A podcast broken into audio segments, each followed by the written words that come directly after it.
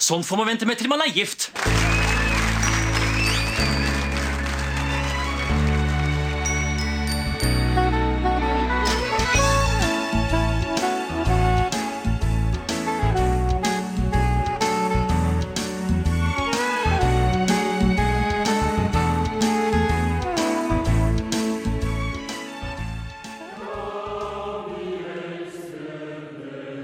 Kjære landsmenn.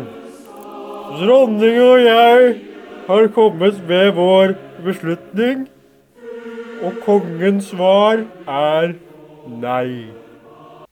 Hallo, velkommen til en ny episode av Norsk film filmpodkast. Podkasten vi ser norsk film med et kritisk, men kjærlig blikk. Eh, Mitt navn er Emil, jeg sitter her som alltid med. Stefan heter jeg, og der satt eh, Harald i hjørnet der og kom med en liten sånn uh, Vi fikk, intro. vi fikk med oss han for å gi, for en liten intro til episoden. Og du kan jo gjette nå, Stefan, hvilken film vi skal se. Nei, det er vel uh, Kongens nei, da. Og um, den er jo liksom Hvis du ser på coveret til Kongens nei, så er jo det coveret det er jo fylt med både femmere og seksere liksom strødd utover hele coveret. Det er så mange at de nesten ikke fikk plass. Um, Kongens nei fikk jo liksom strålende anmeldelser, anmeldelser da den kom. Og en av dem som ga terningkast fem, det var jo Birger Vestmo. Og han, han sa det at en god historieleksjon som aldri føles som en. Den føles ikke kjedelig, den filmen her. Det er moro, det. Føles ikke som en historietime heller. Vi får Nei. se på det. Vi Jeg har sett 'Kongens nei' fra 2016, regissert av eh, vår alles favoritt eh, Erik Poppe. Bestefar! du hjelper meg. Finner du pigene? Herregud! Jeg ikke det? Han hjelper en gammel mand.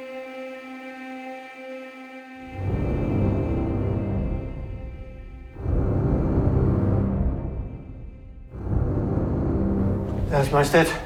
Fremmede krigsskip er på vei inn i ytre del av Oslofjorden.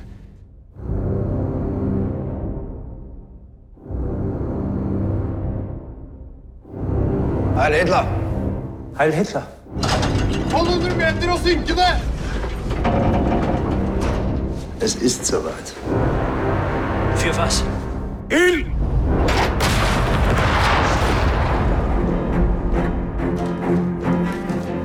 Er klar? Vårbørnene. Ja, de er i bilen. Norwegen ist im Moment das Hauptziel des Führers.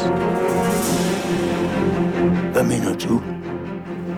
At vi ikke må komme på feil side i krigen. Die Regierung ist geflohen, haben Sie gehört? Lassen Sie mich verhandeln. Dann finden Sie sie. Oder wir finden sie. De brøt sin egen våpenvilje, og så vil du sende min far tilbake igjen rett inn i løvens hule? Ihre Majestät, wollen Sie das Blut norwegischer Frauen und Männer an Ihren Händen kleben haben? Das ist ein einmaliges Angebot. Sie können Norwegen retten, Eure Majestät. Norge er i krig. Tyskerne har ett mål, og det er å ta kongen. Vår jobb det blir å stoppe tyskerne. Kommer til å melde meg til tjeneste. Det er mer bruk for meg i felten enn her. Det handler ikke om, hvad du personligt måtte ønske eller ikke. Hvorfor er du så redd for at stå for? Du skal ikke kalde mig bange.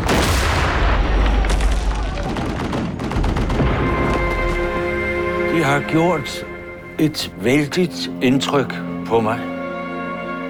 At ansvaret for de ulykker, som kommer over land og folk, lægges på mig.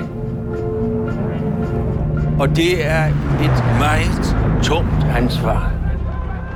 Så tungt, at jeg gruer for at bære det.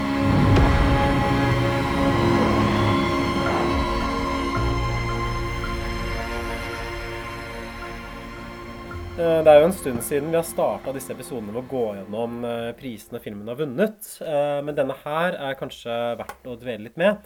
Fordi 'Kongens nei' vant fem priser under Kanonprisen. Deriblant beste manus, beste mannlige hovedrolle og Filmens kanonpris. Og under Amanda-prisen i 2017 så vant den, hold deg fast, beste lyddesign, beste klipp, beste musikk, beste visuelle effekter, Oi. beste produksjonsdesign og scenografi, beste filmmanus, beste mannlige birolle for Karl Markovic og beste norske fi- kinofilm. Så hvis du klarer å telle, Stefan, så er det hele åtte filmer. Og det gjør da 'Kongens nei' til den mestvinnende filmen i Amanda-prisutdelingens historie. Fram til 'Barn' vant ni priser i 2020. Det er jo vel fortjent, det. Eh, det er jo, dette er jo virkelig en storfilm vi snakker om. og Den foregår jo under andre verdenskrig. men likevel på Amanda, for at den tok jo ikke Amandas eh, Folkets Amanda. Det folket, Hva var det som var Folkets Amanda? Det lurer du sikkert på. Det var selvfølgelig Marcus og Martinus sammen om drømmen. Hæ? Så det er jo en film som vi burde ta, den må vi ta. Den er sikkert enda bedre. Uh, nei, fordi altså, dette, er jo, dette er jo egentlig en film som den, den slo vel sånn alle kinorekorder. Over en million som så den på kino. Liksom Storveis ble snakket om liksom, både i øst, vest, nord og sør. Og er jo en sånn der, det er jo en sånn hvor vi i Norge liksom sitter liksom og runker liksom, eh, mens vi ser på oss selv. En patriotisk film. Det er liksom en film i den malen som er etablert av Max Manus fra 2008. Den første sånn der ordentlig sånn nasjonalistiske andre verdenskrigsfilmen. Mm. Som løfter fram helter som kanskje ikke er så store helter eh, som filmene skal framstille dem som. Nei, og, og vi i Norge ble jo veldig lei oss, liksom, følte oss liksom ydmyket da det var en sånn svensk kommentator som sa at, at han ikke skjønte liksom, han måte, at, han, at den her aldri kom til å gjøre noe bra i Sverige, og hvorfor liksom nordmenn alltid skulle lage sånne nasjonalistiske sånne epos. Og på en måte at hvis svenskene hadde lagd en film om andre verdenskrig, så, så hadde den ikke vært eh, så nasjonalistisk i det hele tatt. Nei, kanskje ikke. Jeg, jeg tror kan det har de å skryte av fra andre verdenskrig, svenskene? Nei, men altså Det er jo kanskje kjørte som sånn eh, tog, tyske tog på svenske jernbaner og, og sånne båter som kjørte forbi på svenske, tyske båter på svenskekysten som sånn tyske hornorkester som spilte når de kjørte forbi og sånn. Men jeg tror kanskje at jeg må gi han filmkritikeren rett. At jeg tror at det er mulig å lage en mer interessant film om andre verdenskrig enn 'Kongens nei'. Eh, 'Kongens nei' begynner med noen fortekster som forklarer egentlig opphavet til det norske kongehuset. I 1905 så vedtok Stortinget at Norge skulle tre ut av unionen med Sverige. Eh, Kanskje derfor at den eh, svenske filmanmelderen ikke likte filmen, fordi at det er der eh, filmen begynner. Eh, logisk nok så var det da selvfølgelig den danske kong Carl som skulle bli konge i Norge. Ja, broren til han som var konge i Danmark fra før. Og den eh, kongen, kong Carl, skulle kun ha en representativ funksjon. Eh, altså at det var Stortinget og regjeringen som skulle sitte med den egentlige makten, og kongen skulle være et symbol. Eh, danske kongen bytta navn til Håkon og kom til Norge med Olav på armen. Og sånn var det altså den danske adelen tok kontroll over det norske kongehuset. Og dette her blir fortalt over tre ganske lange fortekster med, syns jeg, unødvendig mye detaljer og informasjon. Og det er jo litt sånn varsko for filmen, fordi jeg opplever jo kanskje filmen som ganske Vet ikke, Hva vil du si, Stefan? Litt sånn omstendelig og detaljert i den Hæ? Ikke en, ikke en historietime som aldri blir kjedelig? Som ikke føles som en historietime? Fortittelen i filmen også, så er det, sånn der, det er sånn blåstengt arkivmateriale av kongehuset gjennom historien. Det er fint da med sånne arkivbilder og sånn. Ja, og så er det en sånn klassisk musikk i bakgrunnen. Eh, Det virker som de forsøker å formidle liksom et eller annet narrativ her, men som ikke er så enkelt å følge, fram til vi får et glimt av Hitler og de nazistiske folkemassene. Oi. For det vi ser her, er jo kanskje liksom kongehusets hist- historie fra 1905 og fram til andre verdenskrig, som filmen da handler om. Ja, Um, og vi, vi blir jo kjent med kong Haakon allerede, og vi skjønner jo at han er en sånn leken bestefar, for han leker da gjemsel med barnebarnet. Og et av de barnebarna her er jo uh, Håkon, han, eller Harald, han som Harald, var her i ja. Eh, og Jeg syns filmen framstiller som en bortskjemt drittunge, egentlig. Liksom alle Ikke noe fan av. de var jo det. De, jo sånn, de, de går med sånne liksom matrosnes-dresser og liksom har sånne eh, radiostyrte biler. og liksom, det er jo, De er jo veldig sånn, eh, de har det veldig fint, sånne små trampebiler som de kjører rundt i. Vanskelig å ikke bli bortskjemt når du er født inn i kongefamilien, kanskje? Jeg tenker det. Det du vil- jo bli det. Hvordan hadde du blitt liksom, hvis du hadde vært i kongefamilien? Altså, kan jeg ta det med en gang da. Jeg er jo ikke så veldig fan av kongehuset. Det er kanskje ikke du heller, Stefan. Eh, Men man er jo født inn i en familie som er den eneste familien i Norge som får noen sånn særegne rettigheter sammenlignet med folk flest. Fordi bare du er født av disse foreldrene her, så har du også krav på en eller annen makt som skal tilfalle deg. I hvert fall hvis du er den førstefødte, sånn som eh, Harald var. Og det må jo gjøre et eller annet med et barns hode, det. Du er spesiell. Du er kongen Mm. allerede Du tilhører denne spesielle slekten her. Uh, ja, kanskje man ikke blir så veldig sympatisk med sånn bakgrunn. Jeg vet ikke. Nei, altså, jeg vil jo tro det, men så er det jo sånne Du, du, du ser jo på han svenske kongen, som på en måte, han vil jo ikke egentlig være konge. Han vil jo være, han vil heller bli lokfører, han. Han. øh, Så det er, jo, det er jo noen som, som er ikke takk. egentlig har lyst til å være konge. En ting som jeg synes er interessant her, er at første bilde av eh, kong Haakon, så ser du at han står med hånda foran øynene, for han driver og leker gjemsel med de barna. Men tror du det skal symbolisere et eller annet ved ham, eller kanskje det liksom at han ikke er i stand til å se tyskerne komme? Ja, og det er litt sånn, Du tenker det? At, Ja. det, at han, er, han er blind for tyskerne som står, og liksom, står utenfor og banker på? Det må jo være en betydning. Første bilde i filmen, så står hovedpersonen og holder hånda foran øynene sine. Ja Jeg tror, tror du Popper liksom har tenkt så langt, da? Jeg bare at han Jeg, jeg tror vi skal, vi skal få et inntrykk av liksom en hyggelig bestefar. På en måte en sympatisk og leke liksom sammen med de bortskjemte drittungene sine. Og, men vi, men vi, vi blir jo også kjent med liksom hans sønn, kong Olav. Eh, eller prins, kronprins Olav, da, spilt av Anders Bosmo Christiansen, som er far til deres snørrungene.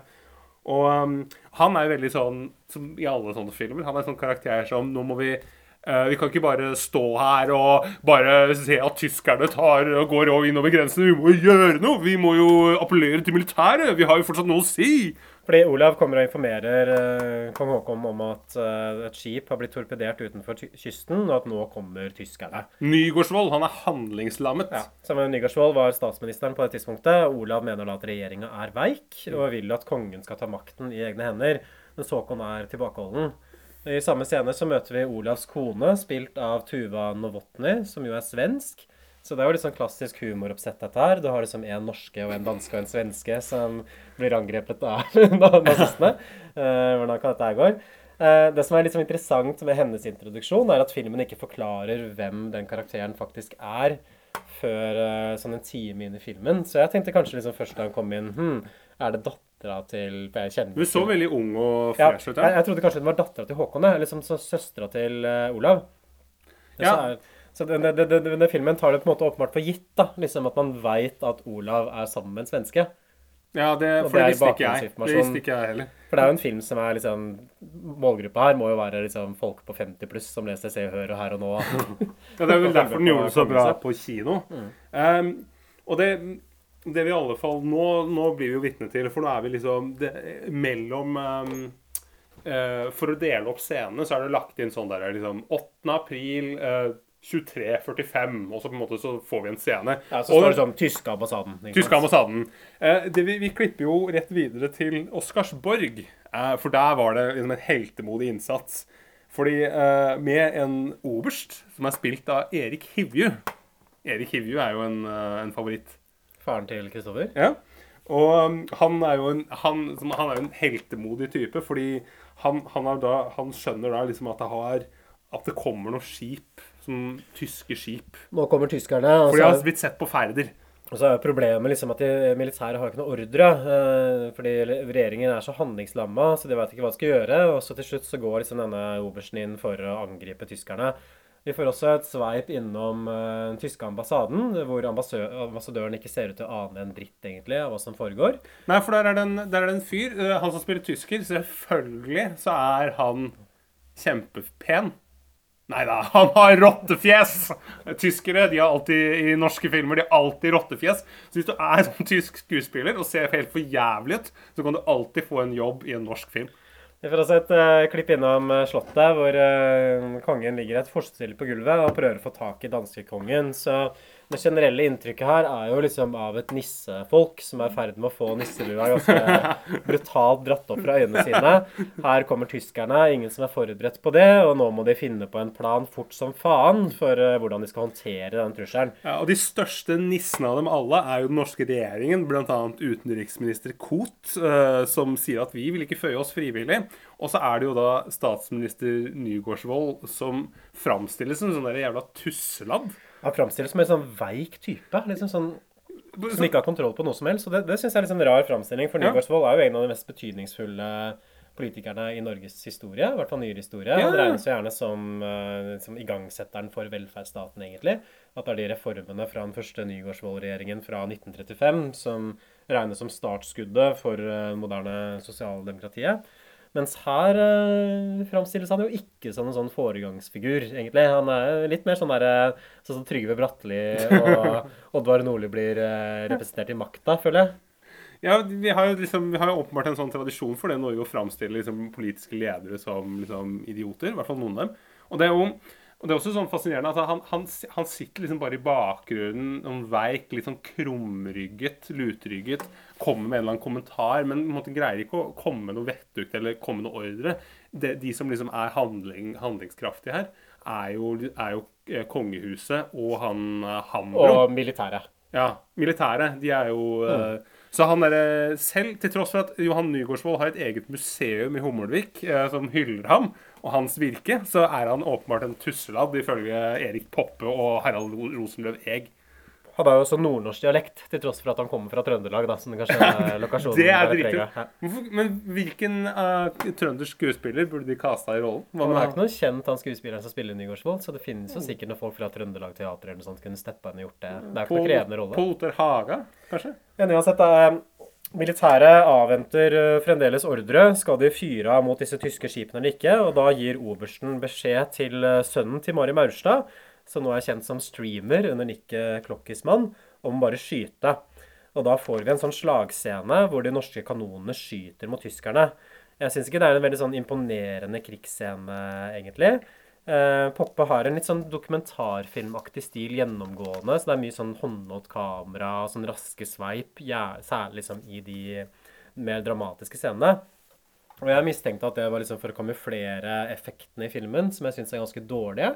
Veldig sånn, det ser ut som sånn eh, Call of Duty-spill fra Ja, fra liksom fra 2015, liksom. Altså, de Eksplosjonene ser man jo helt tydelig er dataeffekter. Du har ikke sprengt noe som helst i virkeligheten. Du har bare lagt på en eller annen effekt liksom over et bilde.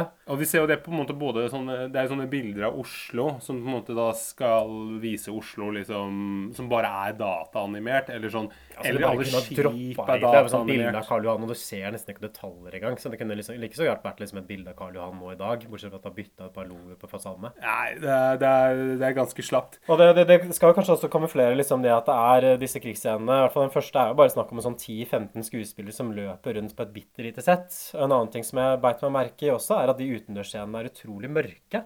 Jeg vet ikke om du Nei, jeg sleit med det? Så. Jeg hadde skrevet, slo opp den lysfølsomheten på TV-en for maks for å få sett det. Jeg også gjorde det, for det er, det er nesten ikke noen sånn kontrast i lyssettinga. Og det Mm. gjør det veldig vanskelig å få med seg hva som egentlig skjer. Alt er liksom litt sånn der blågrått. Og jeg så filmen i en HD-RIP, så skal det liksom ikke ha noe å si på kvaliteten. Men selv liksom med lyset skrudd opp på fullt, så sleit jeg veldig med å se liksom hvem som er hvem, hva som egentlig foregår.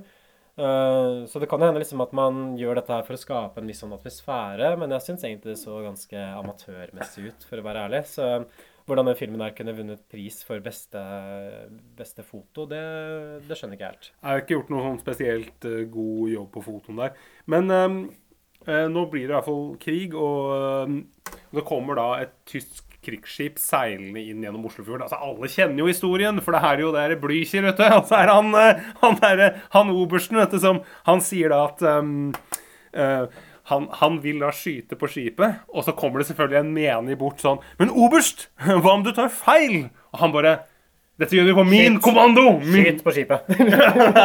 så han, han er modig, altså tør å gjøre det der. Og um, hjemme i Oslo så tør ikke Altså kongen han, uh, han er jo heller ingen feiging. Han går ikke og gjemmer seg i kjelleren. Han skal stå med kikkert og se på de tyske flyene som flyr innover Oslo. Men vi får etter hvert beskjed om at de må rømme fra Slottet, og de drar da til Hamar.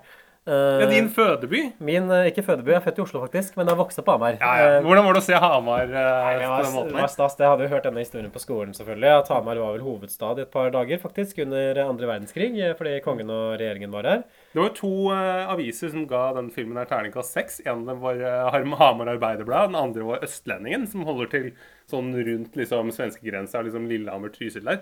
Så de var åpenbart veldig glad for å bli liksom festa til filmlerretet av selveste Erik Poppe. Og en ting som er særlig morsomt, vet du, Stefan, er at det stedet hvor eh, kongen og regjeringen setter opp sine hovedkvarterer, nemlig festiviteten i Hamar, der har jeg gått på ungdomsskole ett år. På festiviteten? På festiviteten. Det var det ungdomsskole der? Ja, Vi de gjorde om det til en skole fordi Aier ungdomsskole ble bygd om. Oi. Så jeg har vært inne i den salen der hvor dette møtet ble holdt. Det er ikke Oi. den samme salen som ble brukt på filmen, eh, kan jeg si. Selv om det ser ganske De har gjort en ganske god jobb med settet, så det er ikke helt ulikt. eh, Men det er ikke det samme. Oi. Wow. Inside information. Eh, Så kongefamilien må rømme fra slottet, og da unnskylder kong Haakon seg med at han må på dass, og benytter et øyeblikk for å se seg rundt i slottssalene. Kanskje for siste gang, tenker han sikkert da. Eh, hva slags inntrykk får du liksom av kong Haakon sånn helt fra starten av filmen, eh, Stefan? Uh, nei, altså, han framstilles jo som på en, måte, litt, en sånn tenkende en på en måte, sånn tenksom type, som på en måte er mer opptatt av å Han er ikke så veldig opptatt av å gjøre så veldig mye. Han er bare opptatt av liksom, at han er jo tross alt en slags sånn demokratisk valgt konge. Eller på en måte, han styrer på en måte litt på folkets tillit. Eller er konge på folkets tillit. Ehm, og så, syns jeg jo han, han er veldig sånn Ja, han, han, det er jo det at Du merker at han blir oppriktig sånn rørt og lei seg når han skal forlate Slottet. Nå regner jeg med at du har noe veldig smart å si. Nei, det er ikke noe mye mer enn det du har sagt, egentlig. At det er jo åpenbart at liksom dette er en dette er en adelig som på en måte tar uh, sin posisjon veldig på alvor, og som føler et ansvar da, ikke sant, for den rollen han har trådt inn i. Uh, ellers så virker han jo litt sånn gammel. Uh, litt sånn gammeldags, kanskje. Litt ute av det. Han er veldig nølende, på grensa til apatisk. Uh, og det gjør også at karakteren blir litt sånn frustrerende gjennomgående i filmen, egentlig. For at kongen har liksom ikke noe sånn tydelig prosjekt, noe tydelig mål han vil oppnå. Men har konger det? fra Jo, ja, men film, hovedkarakter i film burde i hvert fall ha det. ikke sant? At fordi Men dette er jo regel- historietime. ja, men hvis ikke historien er interessant, så ikke lag film om det, tenker jeg. Nå, nå vurderer jeg dette som film, og da må jeg også vurdere hovedkarakteren som en hovedkarakter. Og det blir veldig mange scener på starten her hvor uh, kong Haakon egentlig bare står og reagerer på ting som skjer. At han står liksom med litt sånn halvåpen munn og ser om seg, er litt sånn vantro i sjokk. Herregud, hva skjer nå?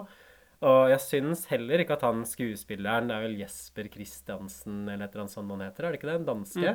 Jeg syns ikke at han gjør en spesielt god rolle, egentlig. At han mangler kanskje litt den der tilstedeværelsen og karismaen og autoriteten, da. Ja.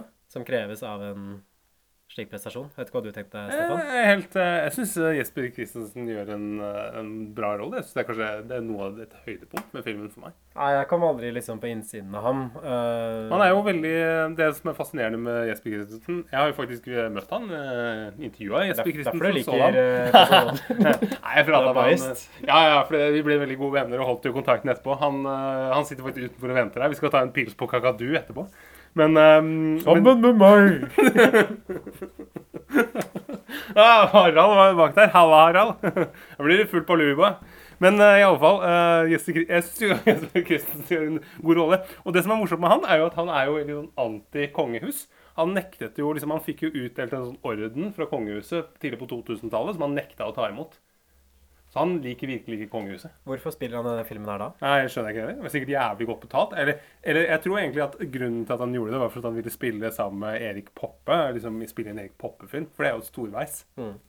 Han er jo på en måte som norgeskonge. Kongen over norsk film. Harald Svart. Nei, Erik Poppe. Ja, ja, den. Eh, kongen kommer i hvert fall opp til Hamar da, etter litt sånn om og men, egentlig. Det er en sånn scene hvor de blir angrepet av tyskere på vei opp, på togturen opp. Og igjen så syns jeg det er liksom verdt å merke seg ved hvor uh, småskala og uinspirerte de krigsscenene føles ut. At det er liksom null sånn filmatisk energi eller overskudd i disse krigsscenene. Gjerne så tenker man kanskje at actionsekvenser er sånn øyeblikk hvor regissøren kan liksom vise, liksom briljere litt teknisk, kanskje lage noen interessante vinkler og noen interessante påfunn. Her er det veldig, veldig lite av det, syns jeg. Ja, eh, det som, det som skjer er jo at det flyr Plutselig så begynner det å fly noen sånne animerte fly på himmelen. Og mens de, eh, alle kongehus og regjering alt sitter i toget, så begynner det å riste masse. Og så må de løpe ut og gjemme seg under en sånn undergang. Og, og den scenen er jo ikke noe det er jo ikke noe veldig dramatisk i det hele tatt. Eller en måte forsøkt å gjøre dramatisk. For du veit jo at kongen overlever. For det er jo det, det som vi vet jo Vi vet jo Tittelen sier jo liksom hva som kommer til å skje. Han må jo rekke å si han må jo rekke å si nei. Ja, han, nei. Han har ikke han sagt si nei ennå. Han har ikke sagt nei. Og, så det er jo ikke noe spennende. Og, måte, og det, det, sånn er det hele tiden. Jeg tror Den største sånn krigsscenen som vi kommer til, er et sånt uh, slag liksom En eller annen sånn der gård liksom uti liksom mellom Trysil og Elverum et eller annet sted. Hvor, eh, hvor det er liksom masse sånne unge gutter på sånn, eh, som ser ut som at de liksom knapt nok har blitt tørre bak øra. Liksom, hvor lederen er kanskje 15 år. Mm. Og de liksom har noe mitraljøse og noe sånn gamle, halvgamle sånn norskproduserte våpen som de skal forsvare seg med. Men selv den syns jeg er ganske slapp, altså. Det er jo slapt. Det skjer jo ingenting. De måtte loven en eh, eh, Men også i stilen, selv om det ikke skjer så veldig mye, så kan man jo filme og klippe det liksom til på en engasjerende måte, og bruke noen så interessante virkemidler. Og bruke litt energi da, liksom, i filmen. Og det er liksom savner mest av alt egentlig i liksom, disse slagscenene. Det er mangel på energi, da, rett og slett. Det er jo en, men det er jo én interessant vinkling der, hvor, hvor du um, hvor han ene, en av, en av de liksom, i det slaget, han blir skutt, og da følger kameraet liksom, da, kameraet følger liksom han i øye, Point of view, øynene hans. ja. Point of view, ja. Første person. Litt sånn som et, som et uh, TV-spill, på en måte. Uh, litt, ja, litt sånn som Call of Duty, faktisk. Altså, hvor du bare følger han i øyet. øyet, hvor det, på en måte, han, uh, når han blir truffet, så bare, liksom, bare kaster han ned på bakken, og så ser du liksom at han liksom, Du ser bare snø da, foran linsa, og litt sånn blod som ligger utenpå Jeg syns kanskje ikke det er så veldig spennende heller, men det ja, men Han har jo sikkert snakket med sønnen sin, han der Dennis Popper, liksom, om videospill. og Liksom, kanskje vært innom gutterommet og så blitt inspirert da, til hvordan man kanskje kan løse en sånn skytescene. Gjennomgående liksom at, det, at filmen virker litt sånn usikker stilistisk. For den har en sånn der håndholdt liksom dokumentarisk feeling. At den virker liksom sånn Man skal ikke lage en liksom sånn stiv, pompøs krigsfilm som, som Max Manus er. ikke sant? Her skal vi på en måte liksom følge karakterene, ha litt sånn shaky cam og framstille som det er en ting som skjer her og nå. Mm. Men samtidig så er jo lyssettingen i filmen er jo veldig sånn retroaktig. For det er veldig mye gult, det er veldig mye sånn blågrått, veldig mye oransje. Sånn som virkeligheten egentlig ikke ser ut, måte, men sånn som virkeligheten ser ut når man forsøker å lage en periodefilm.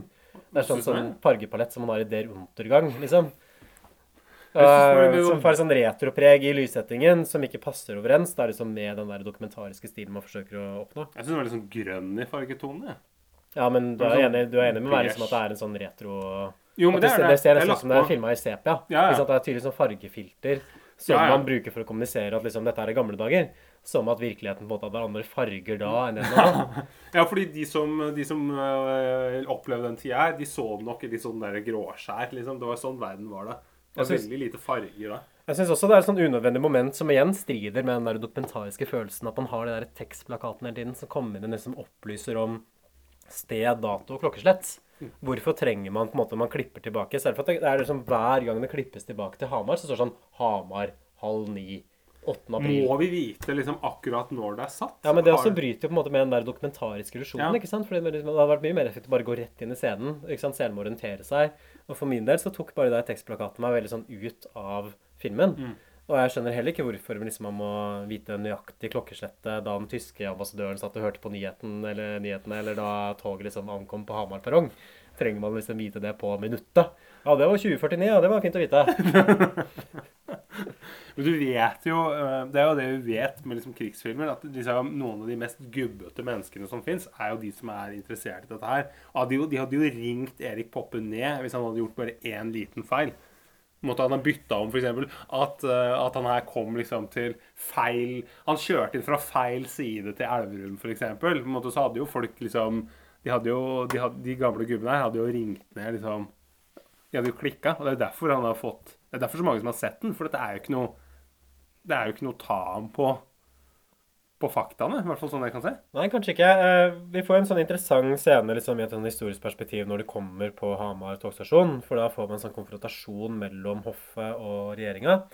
Og det gjennomgående inntrykket som du var inne på i stad, Stefan, er at uh, Nygaardsvolds regjering er veldig handlingslamma og svake. Eh, fordi de satser på diplomati istedenfor på militærmakt. Ja. Og Olav vil da at kongehuset skal gå bak ryggen på regjeringa og alliere seg med militæret. Altså gjennomføre et statskupp, basically. Syns jeg er ganske drøyt av Anders Bosmo. Ja, Som kong Haakon da er eh, imot, da. Så det er jo tross alt bra, det. Men det er interessant liksom hvordan man framstiller Olav på en veldig sånn krigshissende ja, Mighty Strike-type. Deres Majestet, velkommen til Hamar. Statsminister. Jeg hører reisen deres har vært innholdsrik. Ja, det kan man si. President, meget godt uh, organisert reise. Takk, takk. Tyskerne kontrollerer de fleste store norske byer. Stavanger, Bergen, Trondheim. Utenriksdepartementet er evakuert. De fleste er sendt hjem. Noen er på vei hit. Vi prøver å få kontroll over situasjonen. Jeg vet mer etter hvert. Ja.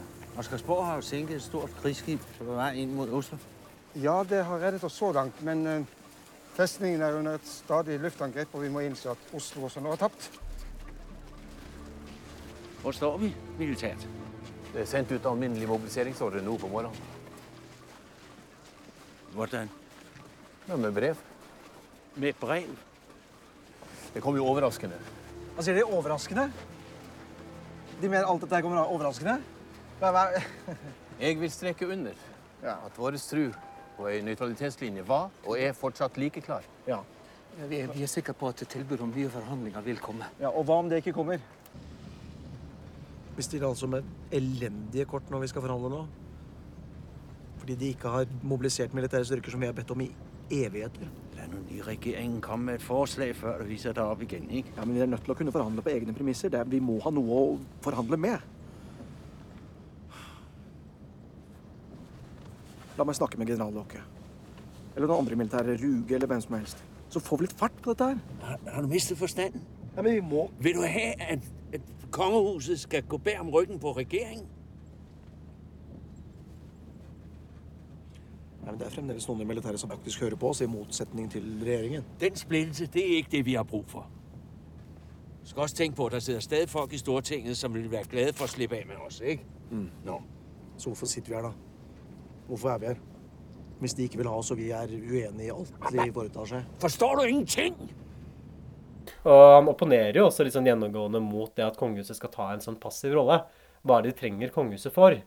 Hvis ikke vi skal liksom være ute og mene hvordan regjeringa skal liksom gjennomføre sin politikk i dette øyeblikket. Så det er, men det er jo ikke sånn vanligvis man tenker liksom i Norge at kongehuset burde være. Nå tenker vi liksom at det er verdi liksom at kongen ikke sier hva han egentlig mener liksom om det som foregår politisk, og bare er en sånn gall- gallionsfigur. Ja, bare en sånn uavhengig type som bare som måtte komme med litt sånn generelle tanker om verden, og at eh, gutter er glad i gutter, og jenter er glad i jenter, og gutter som er glad i jenter, og Men kongen ville jo aldri liksom gått ut og sagt at nå syns jeg, nå syns jeg vi burde gå inn i Afghanistan og støtte troppene der nede liksom, for å beskytte Norges sikkerhet. Men så var det litt den, litt den rollen som Olav ønsker å ta. da, ikke sant? Så Olav framstilles jo som en slags sånn derre ikke fascist nødvendigvis, men litt lenger ned det sporet der enn det i hvert fall Mm. Er, og mer åpen for at kan vi ikke bare kvitte oss med de folkevalgte bare gå liksom til militæret, og så bare styrer vi landet siden det er en krigssituasjon. Og det, jo, det er jo dette her som skaper konflikter mellom far og sønn hele tiden. At de liksom At de, de, er, de er veldig uenige da, i den der grunnleggende funksjonen til kongen. Og um, Olav også flere ganger vil jo gå ut i krigen. Han vil måtte være med i krigen. Melde seg til tjeneste. Som er jo, er jo fryktelig dumt, da. Altså, hvis, du, liksom, hvis tyskerne faktisk vil, vil ta kongen, så jo, det, er jo, det er jo dumt å miste liksom, den arveprinsen. Ja, det- Bare det for at han skal leke krig og liksom føle at han bidrar med noen ting.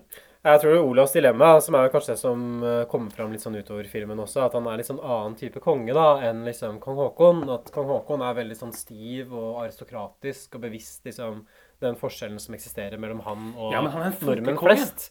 Mens Olav er folkekongen, ikke sant? så han ser ikke hvorfor skal ikke jeg kunne gå ut i krig på samme måte som de andre nordmennene. Hvordan kan jeg kunne stå og si til en soldat 'stå på', når ikke jeg er villig til å risikere det samme som han. Men det Olav ikke skjønner, er at du kan ikke gå for langt til å være folkekonge før hele kongehuset blir overflødig. Så der, er hvorfor i hele tatt skal man ha et kongehus hvis bare de kongelige skal være sånn som folk flest? For da er det jo bare som alle oss andre. Ja, hvorfor, Så det er jo kanskje privilegier, da? Ja, det er kanskje problemet hans, og det er jo nettopp grunnen til at ikke han burde gå ut i krig, er jo som du sier, liksom, at hvis man dreper han, så dreper man jo også hele liksom, arvelinja til kongehuset, og så blir det ikke noe mer kongehus. Og det kunne vært fint for meg, men, men da, da går man liksom mot hensikten med det å ha et kongehus i det hele tatt. Og det er kanskje det han Han vil ha liksom både i pose og sekk, da. Både Ja. liksom ha de privilegiene sine, men samtidig framstå på en måte som en mann av folket. Som bare ja, gjør det hvem som helst andre ville gjort i en situasjon. Ja, Og ha det litt moro, tror jeg, for han har jo lyst til å gå i krig. Han går rundt i sånn uh, fresh uniform og sånn, så han liker jo åpenbart dette her krigsgreiene.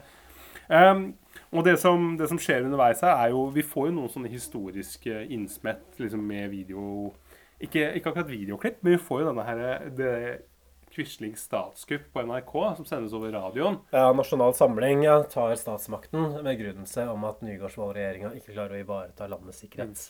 Og her bruker du da historiske, liksom, historiske klipp av Quisling. Liksom den historiske Mm. radiotalen som han holdt. Man- Det som jeg synes var liksom, kanskje mest sånn, er at Vi bruker veldig mye tid på å følge den tyske ambassadøren som ble introdusert på starten av filmen. Breuer. For han er veldig misfornøyd med at Quisling har tatt makta. For han mener at han ikke har legitimitet til å styre landet.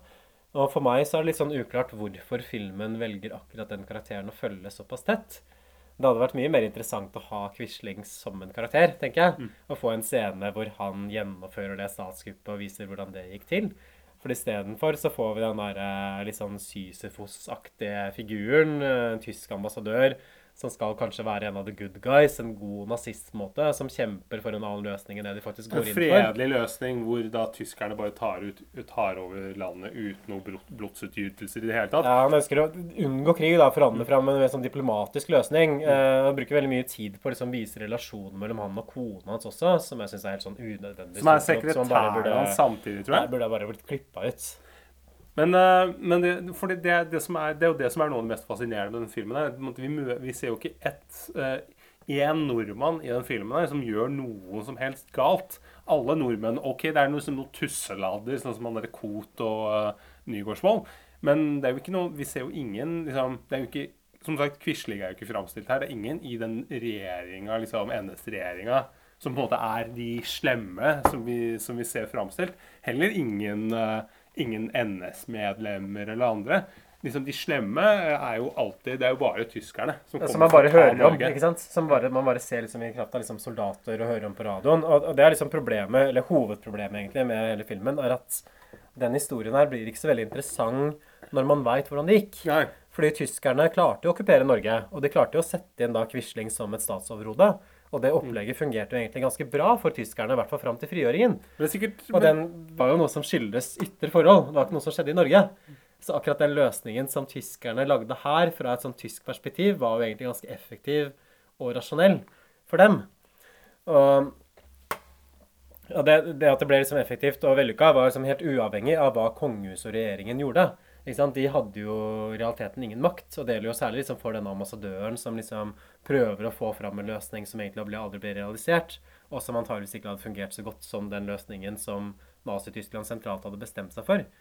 Og dermed så får liksom heller ikke handlingsforløpet i filmen noe særlig konsekvens. At man sitter liksom heier på taperlaget i en kamp som man veit er tapt.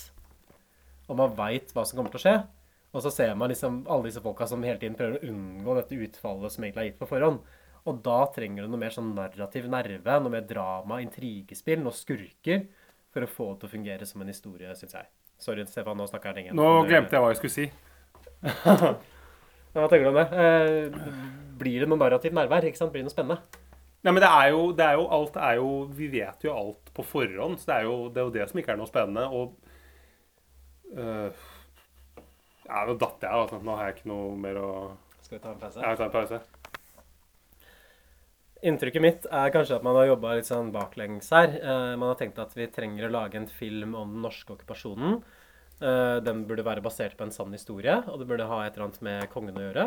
Og derfor lager man på en eller annen måte en historie om kongens nei. Om liksom den nei-handlingen, og så lager en film sånn retrospektivt basert på det. Og så er man kanskje ikke så opptatt av at det skal være en sånn engasjerende historie opp til det klimakset som har sett seg på forhånd. Vet ikke hva du tenker, eh, Stefan? Hva er liksom motivasjonen bak prosjektet her? Nei, for Det blir jo mer det å lage en sånn historisk korrekt film. At man, man, man tenker at man skal lage en krigsfilm, og så, og, og så virker det jo nesten som at man har gått inn for å liksom ikke skildre slagene, og liksom, skildre, liksom lage til en sånn altså, måte, Sånn som Max Manus, da, for eksempel, hvor det skjer litt mer. Det skal vel kanskje være liksom mer sånn der intrigespill på bakrommet. At du viser på en måte diplomatiet, du viser forholdet mellom kongen og regjeringen, du viser forholdet mellom eh, kongen og regjeringen og tyskerne på den andre siden. Men det er jo kanskje svakheten igjen, da, at man helt mangler på en måte den tyske siden, bortsett fra han ambassadøren. Ja, for Det blir interessant å vite hvordan liksom, eh, Quisling tenkte liksom, altså måtte ha hatt, og hatt, hatt den karakteren skildra. Og for dere lyttere som tenker at ja, nå vil vi se en Quisling-film, så skal jo faktisk Erik Poppe i gang med filmen om Quisling. Skal han det, er det sant? Ja! Mikael Eidsvoll i hovedrollen. Er det Quislings ja? Ja. Det blir sikkert et helteportrett. Tyskerne kommer etter dem igjen, og Olav og kong Haakon må stikke av uten resten av familien. Her får vi en liten scene mellom Olav og Haakon, hvor det kommer frem at Olav har litt mommy-issues, fordi dronning Maud stakk av fra familien til England, og nå er Olav og Haakon i ferd med å gjøre det samme. Uh, Olav sier også rett ut at han ikke ønsker å være den samme kongen som uh, kong Haakon har vært. Så igjen er det kanskje den dynamikken hvor Haakon er en sånn konge av den gamle skolen, litt mer tradd. Mens Olav er uh, folkekongen, som ikke er redd for å ta liksom Ta trikken til Holmenkollen og for å gå på ski. Eller ta bestikket i egne hender og liksom gjøre det som må gjøres. Jeg vet ikke, Hva, hva er inntrykket ditt liksom av eller Hvor, hvor bra syns du den Olav-karakteren fungerer i filmen, uh, Stefan? Jeg er, jo, jeg er jo veldig glad i Anders Bosmo, som spiller uh, kong Olav. Men jeg syns jo ikke jeg synes ikke han får til den rollen her så veldig bra. Jeg synes det blir sånn, det, er litt, det blir litt platt for meg. Jeg er enig. Jeg syns verken ingen av de som spiller her, klarer liksom å selge meg dette med at det skal være ordentlige personer istedenfor å bare være historiske skikkelser. Utfordringen om å lage en film om historiske skikkelser man kjenner til på forhånd, er jo liksom om å gi et liv til de karakterene som går noe utover liksom det man allerede vet. Og det syns jeg kanskje ikke de gjør her, da. At det, det blir som at Olav på en måte står inn for den Olav som vi allerede kjenner godt til.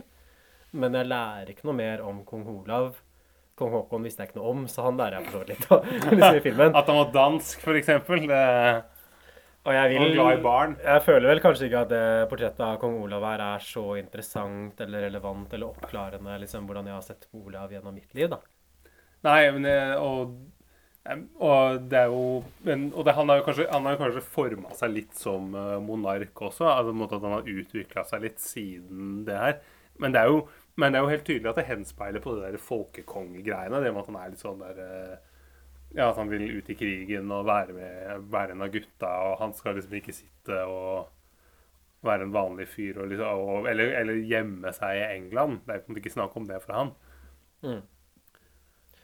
Så, men det, det, er jo liksom spørsmålet sånn der, hvordan ville det gått da, ikke sant? hvis Olav hadde fått viljen sin, og det hadde gjennomført et slags kupp, liksom kongehus og militæret, de på en måte hadde styrt Norge hadde det vært et bedre utfall? For jeg tenker jo liksom at det Olav argumenterer for gjennomgående i filmen, at det er jo absolutt ikke det Norge burde ha gjort liksom, i den situasjonen. Nei, fordi hvor mange, altså Når de ikke har noe De har in, ikke noe forsvar, ikke noe funger, nesten ikke noe fungerende forsvar. og altså Skulle de da tatt opp liksom kampen med tyskerne? De hadde jo, Det hadde jo blitt et blodbad. Det stemmer jo det han uh, Koht sier. At det her ville jo altså Det ville jo, det ville jo altså, De hadde jo ikke hatt sjans. Ja, det blir jo liksom det som blir uh, kong Haakons dilemma utover her òg. Skal han på en måte takke ja til tyskerne sin uh, avtale for å unngå på en måte at det går unødig liv tapt i Norge? Hva er avtalen? Nei, det er vel liksom det at uh, man skal få en regjering i Norge som er uten Quisling, men kong Haakon som et sånn statsoverhode, men som er en sånn de facto okkupasjonsmakt. For det sånn som det ble, så var vel det at Quisling var jo på en måte den sånn formelle lederen av Norge. Men det var jo egentlig tyskerne som styrte gjennom han. Og så var vel spørsmålet da kanskje om at kongen, da, ikke sant, kong Haakon, burde ha den rollen som Quisling da etter hvert tok. Mm.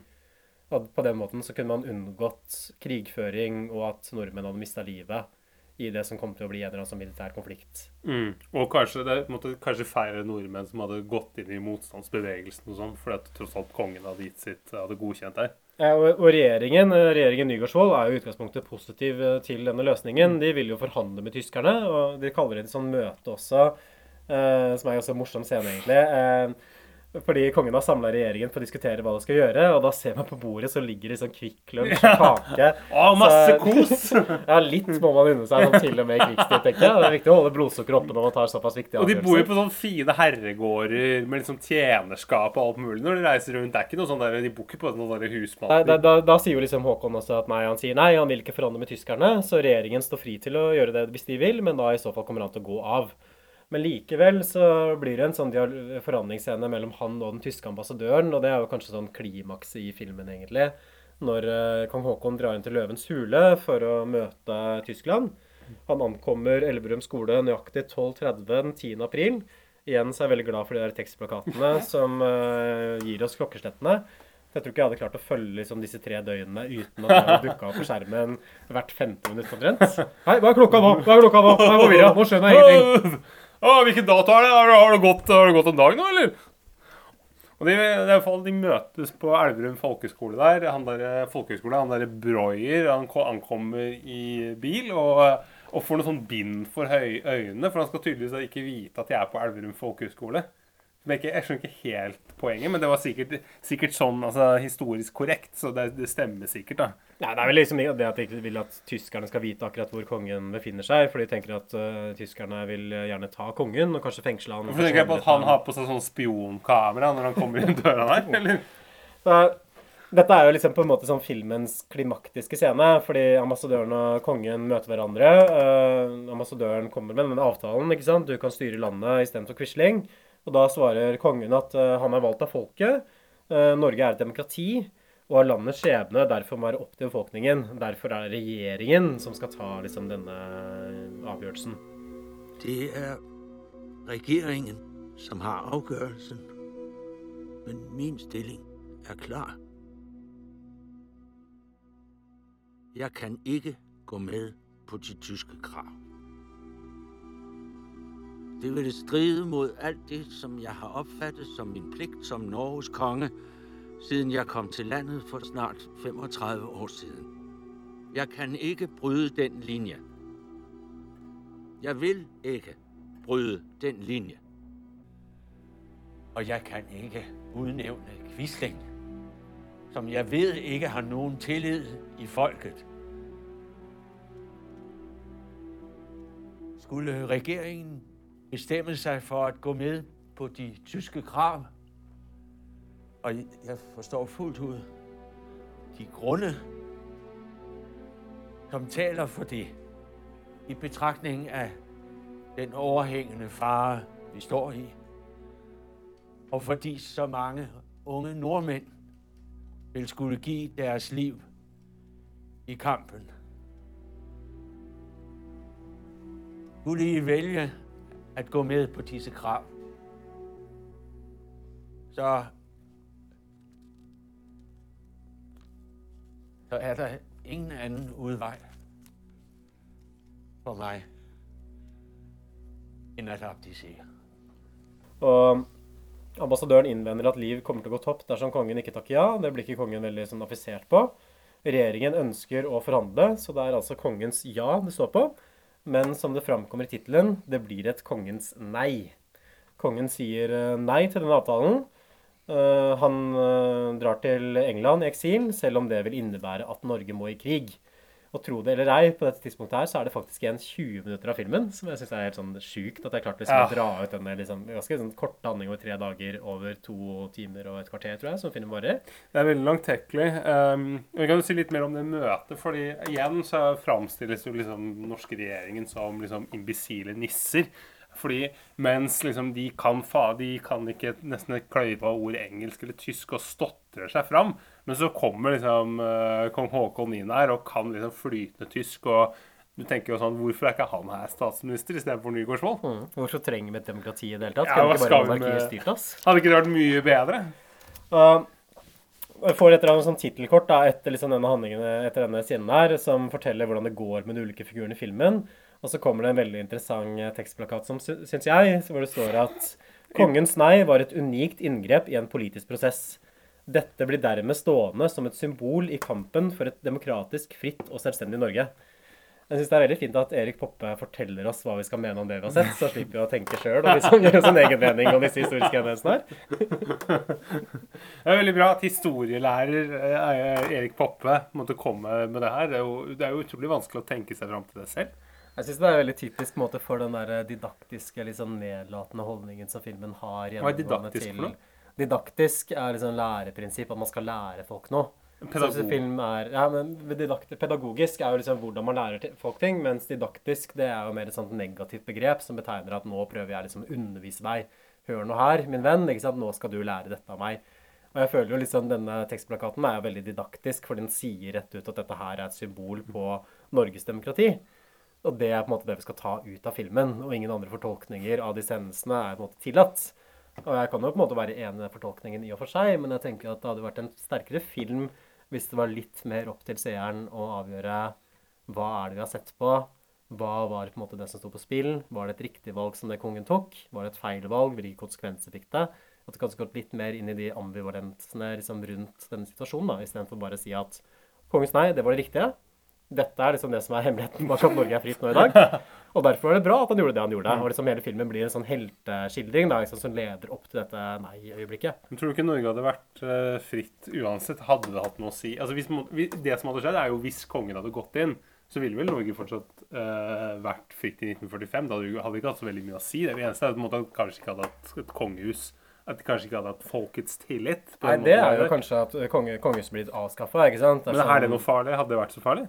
Nei, altså det, det kommer litt an på øyet som ser, da. Jeg, jeg er jo ikke sånn spesielt sympatisk i kongehuset, men for liksom argumentet sin skyld, så Jeg syns ikke Harald er en søt, gammel fyr som måtte komme med veldig gode taler og skaper liksom eh, Sier det alle andre ikke får sagt? Nei, i etterpåkloks, lys så kan man jo si at liksom, det er helt opplagt at det var feil liksom, samarbeid med nazistene, at det var riktig liksom, at kongen ikke gjorde det. Men samtidig så igjen, hvor reelle konsekvenser hadde det egentlig? Det førte jo da at det ble liksom krigshandlinger et par dager til, før tyskerne uansett kom til å okkupere, sånn som de kom til å gjøre uavhengig liksom, hva kongen beskyttet seg for. Og så får vi da en, et kongehus og en regjering som eh, bor i eksil i London fram til 1945, etter frigjøringen av faktum, og da kommer de tilbake igjen og liksom bygger det vi i dag kjenner som Norge. Så det er jo kanskje mer sånn monarkiets skjebne står og faller på her, tror jeg, som du helt korrekt påpeker. Fordi dersom kong Haakon hadde gått med på å være sånn gallionsfigur for det nazistiske regimet, så ville jo antageligvis kongehuset blitt avviklet etter andre verdenskrig. Ja, og det og det er jo, ja, som, som du sier, det kommer jo an på øyet som ser, om det hadde vært eh, farlig eller ikke. Men man kan jo være enig om at monarkiet er jo ikke en demokratisk institusjon, på en måte. Selv hvis man tenker at liksom kongehuset skal ha en sånn ren symbolfunksjon, men det er jo noe sånn antidemokratisk med dette er et sånt verv som man arver, som man får i kraft av å være født inn i en bestemt familie. Hvorfor skal kongen være liksom en sånn maktfaktor i norsk politikk? For det har han jo liksom Mm. i dag. Jeg vet ikke hva du tenker om dette her, ja, Stefan. Er du en antirojalist, eller er du Nei, altså, jeg- til kongehuset? Det er jo, det er jo en, på en måte tapt sak å kjempe mot det kongehuset du har nå. Liksom, med, liksom, det er jo hvor mange det er som er på en måte positive til det. Om det er sju av ti nordmenn eller åtte av ti, eller hva det er. Det er jo ganske mange. Men, men det er jo på en måte grunnleggende Det, det henger jo liksom Det er jo en sånn del, del av sånn embetsmannsstaten. At måte, du blir liksom født inn i et, liksom, i et verv. På en måte, du er født eh, inn i liksom å ha penger og, og makt og, og sånne ting. Og så kan man si hva man vil om at på en måte, kongen har makt, men det har han jo. Han måtte ha jo han har jo innflytelsesrike venner, og, har, eh, og kongehuset har jo liksom har ganske stor formue også, som vi som liksom er liksom vanskelig å få innsyn i. Og så er det jo en symbolsk makt også som kongen har. ikke sant? Man kan jo si at selv om ikke kongen på en måte griper inn demokratiske beslutningsprosesser direkte, men den nyttårstalen som kongen holder, f.eks., Mm. eller sånn kongehusets status, som, er, som de for, for så vidt liksom forvalter ganske godt da, ikke sant? Kongehuset ja, Ja, ja, har jo vært en ganske sånn liberalt kongehus som tar til orde liksom for menneskerettigheter og er som regel på den riktige siden av historien. Men likevel, de har jo makt til å påvirke hvordan folk tenker. Og prinsippet ellers i demokratiet er jo gjerne det at posisjoner skal være noe som man gjør seg fortjent til. Som alle i utgangspunktet skal kunne ha like så stor sjanse for å oppnå. Sant? Hvem som helst kan bli statsminister i Norge så lenge man går gjennom de riktige kanalene. så skal det ikke handle om... Så lenge liksom- man blir medlem i Arbeiderpartiet eller Høyre. ja, men, men i prinsippet, da. Liksom, sånn er det i praksis. Men i teorien så skal det i hvert fall være sånn at hvem som helst har lik størrelse for å få verv. Mm. At det er en ting som er like ved demokratiet. Og da er det noe litt sånn udemokratisk med en institusjon hvor du får en tittel i kraft av å være født med bestemt genmateriale. Som er det kongehuset i- egentlig er. Nei, det er som å høre Jesper Christensen som spiller uh, kong Haakon med. Mm. Men det er jo um, Og det, det, er jo, det, er også, det er jo veldig fascinerende hvis du ser liksom sånn vi, Hvis vi går litt sånn Vi tar litt sånn eh, lite, side, lite sånn sidespor her, sånn eh, mediehistorisk, og så på en måte ser vi liksom på, på liksom pressens uh, dekning av liksom kongehuset, hvis vi sammenligner Norge og Sverige f.eks. Så er på en måte, Sverige har jo på en måte man, OK, han er jo, det er jo mer, det er mer sånn fjottete kongehus. Man har jo vært mye mer kritiske der i den der dekningen med eh, og liksom, og, på, og på en måte at man, man innrømmer, pressen innrømmer i hvert fall det at, at, måte, at kongen har en, viss, har en viss makt. Selv om man liksom ikke kan eh, drive og utnevne en regjering eller liksom bestemme sånn, så er jo så er du en innflytelsesrik person. Mens i Norge så på en måte er man litt sånn der Ja, ja, men det er bare en sånn koselig liksom, Det er bare en koselig gjeng, og liksom, å, så hyggelig de er, og sympatiske. Og det kan jo godt være at de er, men de har jo faktisk Ja, det er jo et spørsmål liksom, når, man, når man diskuterer den type posisjoner, så burde det ikke være så avhengig av den posisjonen som en til hver tid fyller den. ikke sant? Man kunne jo sagt med sånn absolutt monarki eller sånn diktatur også. Ja, vi har et diktatur, men uh, diktatoren er veldig snill, så da har vi rett. ikke sant? Saddam Hussein er en utrolig sympatisk fyr akkurat nå. man må jo diskutere prinsipielt liksom, ut fra burde den posisjonen her eksistere. Men, men det kan jo liksom også være at kongehusets legitimitet i Norge hviler veldig på nettopp den Nei, men også den, der, den uh, historiske hendelsen som vi Mm. ser nettopp i Kongens nei, da, ikke sant? Hvor det er nettopp kongehuset som litt måte tar en sånn prinsippavgjørelse, går ut til England istedenfor å kompromittere med tyskerne, slik at Norge står uten en konge under denne fæle, vonde okkupasjonsperioden. Mm. Slik at når på en måte kong Haakon kommer tilbake igjen, så man får en sånn scene liksom helt i slutten av filmen, hvor eh, han får beskjed om at nå kan dra tilbake til Norge, så blir kongehuset på en måte en sånn, et sånn symbol på frigjøringen. Mm. Yes, nå er ting tilbake til normale. Nå er vi frie. Nå er Norge alt for Norge, ikke sant? Og nå er også kongen på plass. At det er en uh, ting da, som kanskje gjør at uh, nordmenn flest er mindre kritiske til monarkiet enn det man kanskje er i mange andre land. Ja, det er, jo, det er jo et godt poeng, og det er jo det der at uh, Det er jo det man ser liksom at den der er in, De som er mest lojale til kongen, er jo ofte liksom det er jo, Hvis du ser ut på Slottsplassen der når det skjer et eller annet, så er det ofte sånne gamle kjerringer med liksom sånne, sånne svære hatter og med fjære på som står utenfor. Men, men man kan jo se det på en annen måte at det er jo, kongen har jo liksom sittet og gasset seg eh, i Storbritannia liksom og kost seg. Mens alle andre liksom i Norge, eller noen i hvert fall i Norge, da hadde, hadde litt, litt verre. da. I hvert fall ikke like bra som kongen. Men for å bare ta tilbake liksom til filmen vi snakker om, da, 'Kongens nei', så kan man jo stille spørsmål sånn Hvor interessant er det med en film som kun bekrefter det narrativet som allerede er såpass veletablert, og bare styrker det enda mer? Man kunne jo liksom tenkt at en mer eh, vågal, en mer samfunnskritisk, en mer interessant filmskaper ville vært mer interessert i å liksom utfordre den myten. Og ikke fortelle en sånn gladsak om at eh, Kongens nei er et eh, symbol på kampen for et demokratisk, fritt og selvstendig Norge, men som kanskje hadde pirka litt borti det, og kanskje liksom prøvd å utfordre kongehuset litt på sitt egne premisser. Utfordre liksom den tradisjonelle historiefortellingen. Er det ikke derfor vi har film, på en eller annen måte? Liksom, eller kunst generelt, da, ikke sant? for å gi et annet perspektiv enn det vi får i historietimen. Og det, det er jo en utrolig servil film, som vi ser. Ja, altså, men, men det er jo det, du får ikke liksom gjengen som tar med seg kakeboks og kaff, eh, liksom comfort drops på kino til å gå mann av huset for å se den filmen her. Ja, men er det, er det besøkstall som burde være kriteriet for hva som gjør en god film? Sånn, jeg mener at vi burde legge det litt til side når vi vurderer filmen her. Sløseriombudsmannen mener det, har jeg hørt. Jeg, jeg føler liksom at eh, 'Kongens nei' er en Til tross for det Birger Vestmo sa, eh, jeg syns at dette er en film som er laget for å bli vist i historietimen på ungdomsskolen. For å, å opprettholde et sånt narrativ om Norge, som kanskje er riktig. Det kan godt, liksom, Jeg sier ikke noe på det. Det kan godt hende at det liksom, narrativet er korrekt. Men hvis det hadde vært rom for å utfordre det narrativet, så mener jeg kanskje at det burde være en film, filmatisering av de hendelsene.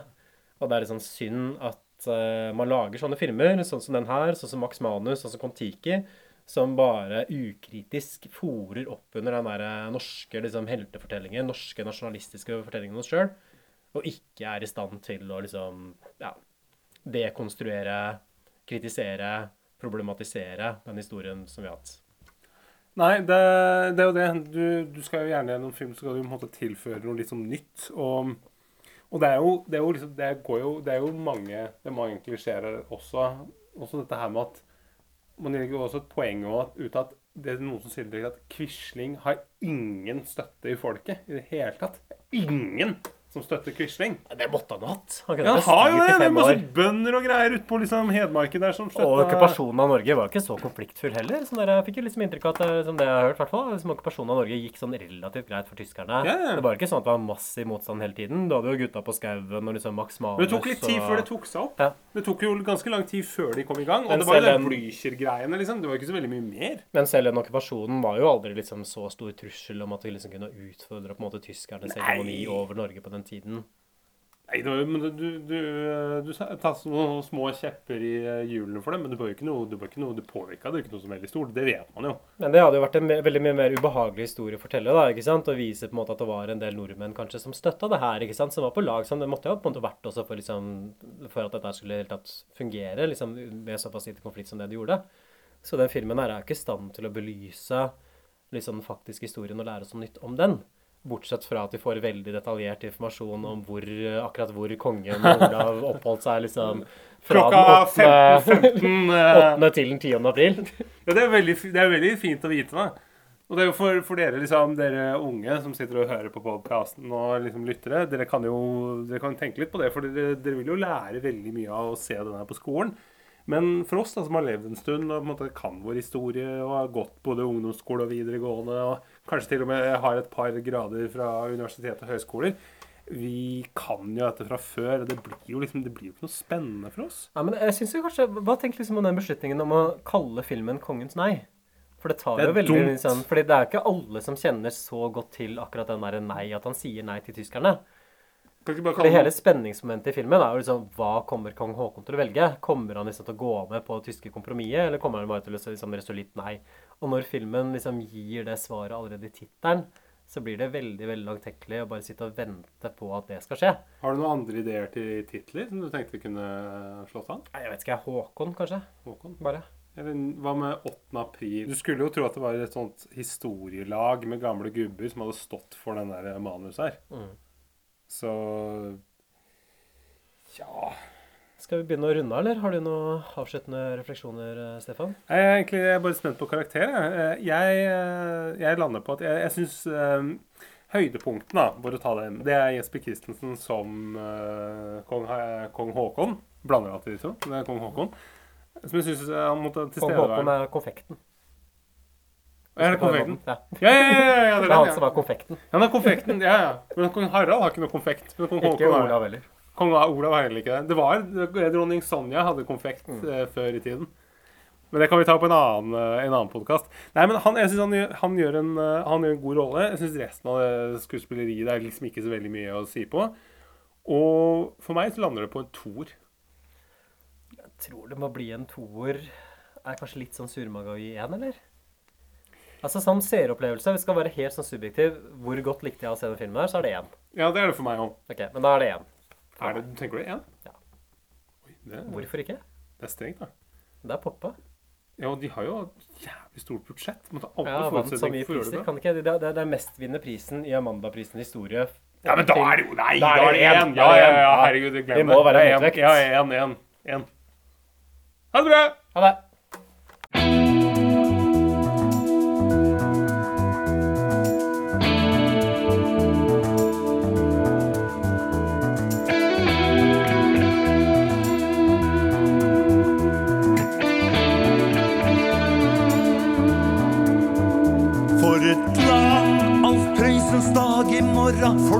Folkekongen på ski. For et land, Ingvar Ambjørnsens Elling, Ibsens magiske Per Gynt. For et land med helter som Max Manus, nabokjerringer og Gro. For et land, Ole Paus sin rustne stemme, Eggens Kofot-teori.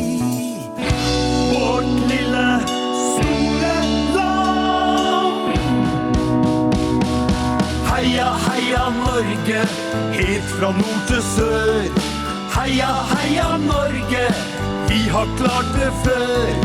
Heia, heia Norge, når alt kommer til alt. Heia, heia Norge, så mye mer enn kaldt.